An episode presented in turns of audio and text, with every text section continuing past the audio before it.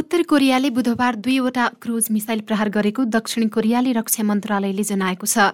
आज बिहान उत्तर कोरियाले ओन्चोन क्षेत्रबाट पश्चिम सागरमा दुईवटा क्रुज मिसाइलहरू प्रहार गरेको छ। मन्त्रालयका एक अधिकारीको भनाई उद्धृत गर्दै एएफपीले जनाएको छ। अमेरिका र दक्षिण कोरियाका सैन्य अधिकारीहरूले उत्तरको मिसाइल प्रहारबारे विस्तृत विवरणको विश्लेषण गरिरहेको पनि जनाएका छन्। दक्षिण कोरियाको योनहाप समाचार एजेन्सीका अनुसार उत्तर कोरियाले जनवरीदेखि क्रुज मिसाइल परीक्षण गरेका पछिल्लो पटक उत्तर कोरियाले जुलाई दसमा हतियार परीक्षण गरेको थियो। उत्तर कोरियाले पछिल्ला केही महिना यता अन्तर्महादेशीय ब्यालिस्टिक मिसाइल सहित प्रतिबन्धित हतियार परीक्षणलाई तीव्रता दिएको जनाइएको छ। विश्वबाटै एक्लिएको उत्तर कोरियाले आफ्नो सातौं आणविक परीक्षणबारे योजना बनाइरहेको विश्वास गरिन्छ। यस हप्ताको सुरुमा दक्षिण कोरियाली र अमेरिकी सेनाले वार्षिक संयुक्त सैन्य अभ्यास अघि नै प्रारम्भिक अभ्यास सुरु गरेका थिए। अफगानिस्तानमा लागेको डढेलोबाट आठ सय भन्दा धेरै परिवार विस्थापित भएका छन्।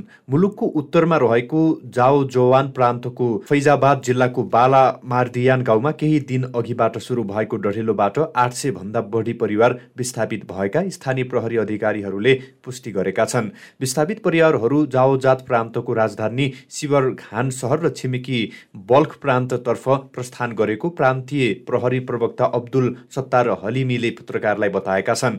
अगस्त आठमा सुरु भएको आगलागीले फैजाबाद जिल्लाको बाला मर्दियान गाउँमा सबैलाई घेरेको छ। प्रत्येक दिन पाँचदेखि छ घरहरू पुनः वा आंशिक रूपमा जलेको छ र एक सय बिस आवासीय घरहरू खरानी भएका छन् एक अधिकारीले जानकारी दिएका छन्।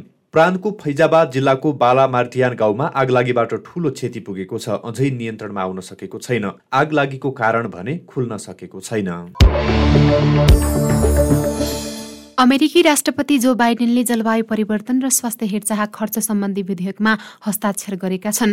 राष्ट्रपतिको हस्ताक्षरसँगै यसले कानूनको स्वरूप लिएको छ। मुद्रास्फीति न्यूनीकरण ऐन भनिने यो कानूनलाई व्हाइट हाउसले अमेरिकी इतिहासमा जलवायु परिवर्तनलाई न्यूनीकरण गर्ने सबैभन्दा ठूलो प्रतिबद्धताको रूपमा लिएको थियो। एउटा राष्ट्रलाई रूपान्तरण गर्न सकिन्छ जुन अहिले भइरहेको छ बाइडेनले भने। विधेयक पारित भएसँगै सरकारले हरित ऊर्जा पहलमा लगभग तीन सय सत्तरी अर्ब डलर खर्च गर्नेछ। यो भविष्यका पुस्ताहरूले जीवाश्म इन्धन उद्योग विरुद्धको छालको रूपमा हेरिने सिएरा क्लबका अध्यक्ष रामोन क्रुजले बताएका छन्। भारतमा कम्तीमा छ सुरक्षाकर्मीको मृत्यु भएको छ। भारत नियन्त्रित कश्मीरमा भएको बस दुर्घटनामा परि उनीहरूको मृत्यु भएको अधिकारीहरूले जानकारी दिएका छन्। दुर्घटनाका कारण अरू तेत्तिसजना घाइते भएका छन्। उनीहरूको स्थानीय विभिन्न अस्पतालमा उपचार भइरहेको छ। घाइतेमध्ये केहीको अवस्था गम्भीर रहेको जनाइएको छ। कश्मीरमा पर्ने पाहलगाममा सडकमा गुडिरहेको यात्रुवाहक बस नदीमा खसेर दुर्घटना भएको अधिकारीहरूले जनाएका छन्। चालकले नियन्त्रण गुमाउँदा बस दुर्घटना भएको भएको प्रारम्भिक अनुसन्धानबाट देखिएको घटनास्थलमा पुगेका सुरक्षाकर्मीहरूको भनाइ छ। भारतमा चालकहरूको लापरवाही खराब अवस्थाको सडक र पर्याप्त मर्मत नगरिएका सवारी साधनका कारण हरेक वर्ष सयौं दुर्घटना हुने र हजारौंको मृत्यु हुने गरेको छ। रुसका राष्ट्रपति भ्लादिमिर पुटिनले अमेरिकी सभामुख नेन्सी पेलुसीले हालैका दिनमा गरेको ताइवान भ्रमणले क्षेत्रीय अस्थिरता बढाउने टिप्पणी गरेका छन्। उनले पेलुसीको भ्रमण क्षेत्रीय तनाव बढाउने अमेरिकी रणनीतिको एउटा भाग भएको समेत आरोप लगाएका छन्। अन्तर्राष्ट्रिय सुरक्षा सम्बन्धी दशौं वार्षिक सम्मेलनमा राष्ट्रपति पुटिनले पेलुसीको यो भ्रमण एउटा गैर जिम्मेवार राजनीतिज्ञद्वारा मात्र नभएर अमेरिकाले एसिया प्रशान्त क्षेत्र र सारा विश्वको अवस्थालाई अस्थिर बनाउने अन्तर्निहित रणनीतिको एक अङ्ग भएको बताए बताएका छन्। राष्ट्रपति पुटिनले पेलोसीको भ्रमणलाई अन्य देशहरूको सार्वभौम सत्ता र अन्तर्राष्ट्रिय दायित्वहरूको अनादरको निर्लज प्रदर्शन हो भनेका छन्। रुसी रक्षा मन्त्री सर्गेई सोइगुले पनि पेलोसीको ताइवान भ्रमणलाई उत्तेजक अवतरण को संज्ञा दिँदै उक्त क्षेत्रलाई अस्थिर बनाउने अमेरिकाको अर्को कदम भएको बताए। चीनको चेतावनीलाई व्यवस्था गर्दै पेलोसीले उत्तेजना भड्काउन ताइवानको भ्रमण गरेको उनको टिप्पणी थियो। सभामुख पेलोसीले हालै ताइपे पुगेर राष्ट्रपति साई एङ्ग वेनसँग गरेको भेटवार्तामा वर्तमान विश्वले लोकतन्त्र र निरङ्कुशता मध्ये एउटालाई रोज्नुपर्ने परिस्थितिको सामना गरिरहेको बताएकी थिइन्। उनले विश्वभरि लोकतन्त्रको प्रवर्धनका निम्ति अमेरिका दृढ रहेको समेत उल्लेख गरेकी थिइन्। साथै उनले आफ्नो देशले ताइवानको साथ नछोड्ने प्रतिबद्धता पनि व्यक्त गरेकी थिइन्। कम्युनिष्ट पार्टीको शासन रहेको चीनले शासित राज्य अवस्था रहेको ताइवानमा आफ्नो सार्वभौमिकता दावी गर्दै आएको छ भने आवश्यक परेमा बल प्रयोग गरेर उक्त टापुलाई पुनः विलय गर्न सक्ने बताउँदै आएको छ। अमेरिकाले पनि एक चीन नीति पालना गर्दै आएको छ। उसले बेजिङलाई चीन सरकारको रूपमा मान्यता पनि दिएको छ तर ताइवानसँगको अनौपचारिक रक्षा सम्बन्धलाई कायम राखेको छ। भारतमा एकै दिनमा नौ हजार आठ सय बैसठी कोरोना भाइरस सङ्क्रमित भएका सङ्घीय स्वास्थ्य मन्त्रालयले जनाएको छ। यससँगै भारतमा चार करोड बयालिस लाख छयासी हजार दुई सय छप्पन्नजना कोरोना भाइरस सङ्क्रमित भइसकेका छन्। भारतमा एक दिन अगाडि आठ हजार आठ सय तेह्र सङ्क्रमित भएका थिए। पछिल्ला केही दिन यता भारतमा दैनिक सङ्क्रमितको सङ्ख्यामा उतार चढाव भइरहेको छ। भारतमा अहिले सक्रिय सङ्क्रमितको सङ्ख्या एक लाख पाँच हजार अन्ठाउन्नजना रहेका छन्। गत चौबिस घन्टाको समय अवधिमा कोरोना सङ्क्रमणबाट त्यहाँ छत्तिसजनाको मृत्यु भएको छ। यससँगै कोरोना सुरु भएबाट हालसम्म पाँच लाख सत्ताइस हजार एक सय चौतिस व्यक्तिको मृत्यु भइसकेको छ। भारतमा हिजो एक दिनमा पन्ध्र हजार दुई सय बिसजना कोरोना मुक्त भएका छन्। यससँगै कुल चार करोड छत्तिस लाख चौवन्न हजार चौसठीजना कोरोना मुक्त भएका छन्। नयाँ सङ्क्रमितको सङ्ख्याभन्दा सङ्क्रमण मुक्त भएकाको सङ्ख्या धेरै रहेकाले सक्रिय सङ्क्रमित घटेका छन्। भारतमा सन् दुई हजार एक्काइसको जनवरी सोह्रबाट कोरोना भाइरस विरुद्धको खोप अभियान सुरु भएको थियो। सो समयबाट हालसम्म दुई अर्ब आठ करोड सन्ताउन्न लाख पन्ध्र हजार दुई सय एकाउन्न मात्र खोप लगाइएको छ। भारतमा कोरोना सुरु भए यता हालसम्म अठासी करोड साठी भन्दा बढीको कोरोना भाइरस परीक्षण भएको जनाइएको छ। अफ्रिकी मुलुक सुडानमा केही दिन यतादेखिको भीषण वर्षाका कारण हताहतीको संख्या बढ्दै जान थालेको पाइएको छ।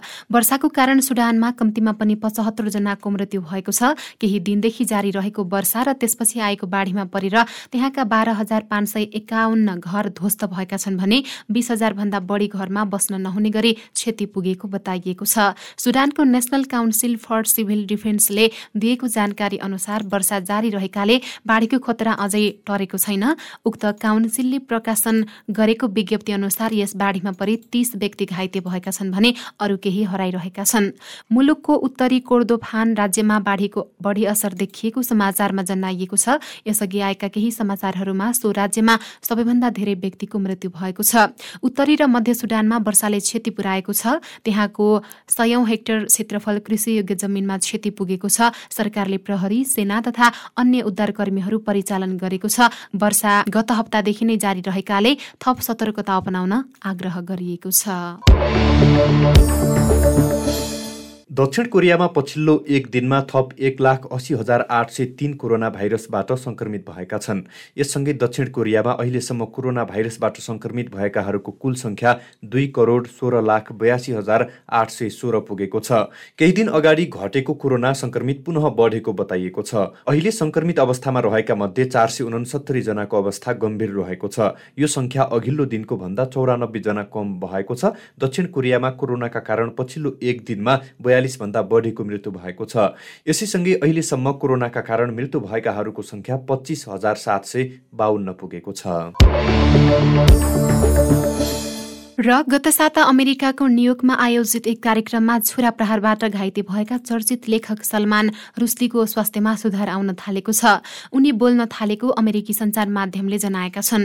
अनुसन्धानकर्ताहरूसँगको कुराकानीमा रुस्ती बोल्न थालेको कानून कार्यान्वयन अधिकारीलाई उद्धित गर्दै सीएनएनले जनाएको छ। गत शुक्रबार न्युयोर्क राज्यको चौतावा इन्स्टिच्युसनमा आयोजित एक कार्यक्रमको मञ्चमै छुरा प्रहार भएपछि रुस्ती अहिले अस्पतालमा उपचाररत छन्। कार्यक्रमको स्टेजमा पुगेर आक्रमणकारीले पचहत्तर वर्षीय रुस्तीमाथि हमला गरेका थिए।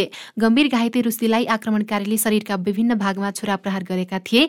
गम्भीर घाइते रुस्तीको शल्यक्रिया समेत गरिएको छ। कानून कार्यान्वयन अधिकारीहरूका अनुसार लेखक सोमबार होसमा थिए र उनी अनुसन्धानकर्ताहरूलाई जवाफ दिन सक्षम थिए। यद्यपि विश्वलाई स्तब्ध पार्ने हमलाको सम्बन्धमा रुस्तीले अनुसन्धानकर्ताहरूलाई के भनेका थिए भन्ने खुलाइएको छैन।